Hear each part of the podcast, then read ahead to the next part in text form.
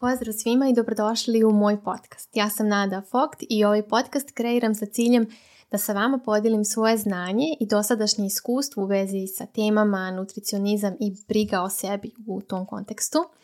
Mnogi od vas me znaju još od pre mnogo godina kada sam i počela s ovim poslom, a neki od vas me znaju možda tek od skoro.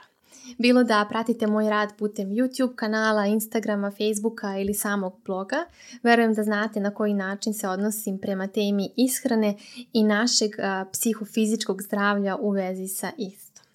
Iako se moj pristup u radu u početku malo razlikovao od načina na koji sada radim, sve je to zapravo posljedica usavršavanja kroz sam rad kao isticanje naravno novih saznanja.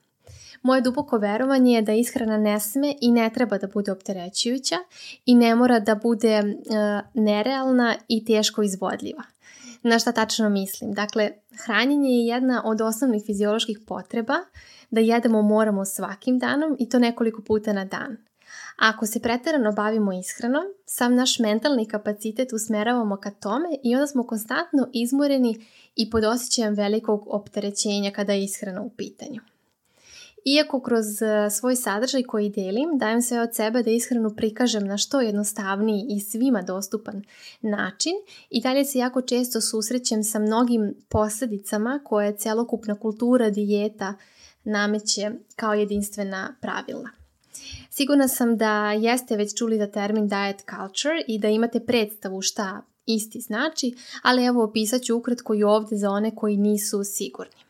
Dakle, diet culture se odnosi na set uverenja, to jest odnosi se na vrednovanje mršavosti, postavlja se neka poželjna fizička forma i ovo je naravno najvažnije i daleko važnije u odnosu na opšte zdravlje i neko dobro stanje organizma.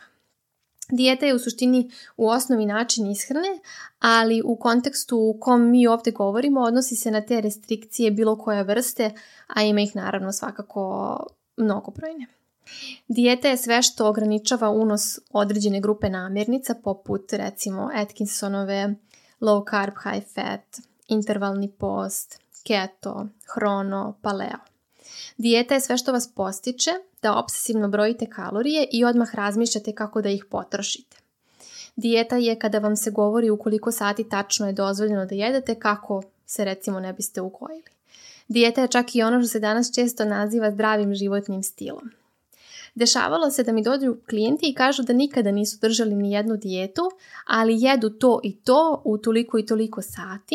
Postoji tačna količina koju i kada smeju da pojedu i neke namirnice su u potpunosti izvazili iz iskrene jer naravno nisu zdrave ili ehm, jedu bez opterećenja, ali znaju da nakon toga a, moraju to sve da potroše kroz određenu fizičku aktivnost. I sve to zapravo jeste dijeta. Bez obzira što nije prepisano iz nekog časopisa šta tačno i ukoliko sati treba da jedete, ipak se odnosi na neki skup pravila koja vas ograničavaju. I problem sa svim tim restriktivnim dijetama nije samo u hrani, već u tome što vas uveri da sa vama nešto nije u redu. Dakle, vi niste dovoljno dobri, vi grešite, vaš karakter nije dovoljno jak i slično. I kada naravno dovoljno puta ne uspete, na kraju vi sami zaista poverujete u to da nešto nije u redu sa vama. Tako da ja želim da pomognem svima onima koji su upravo u ovom načinu razmišljanja zarobljeni i želim da vam pomognem da pronađete svoj mir sa hranom i da ista za vas postane uživanje i pre svega sastavni deo vašeg života, a ne večita briga i preokupacija.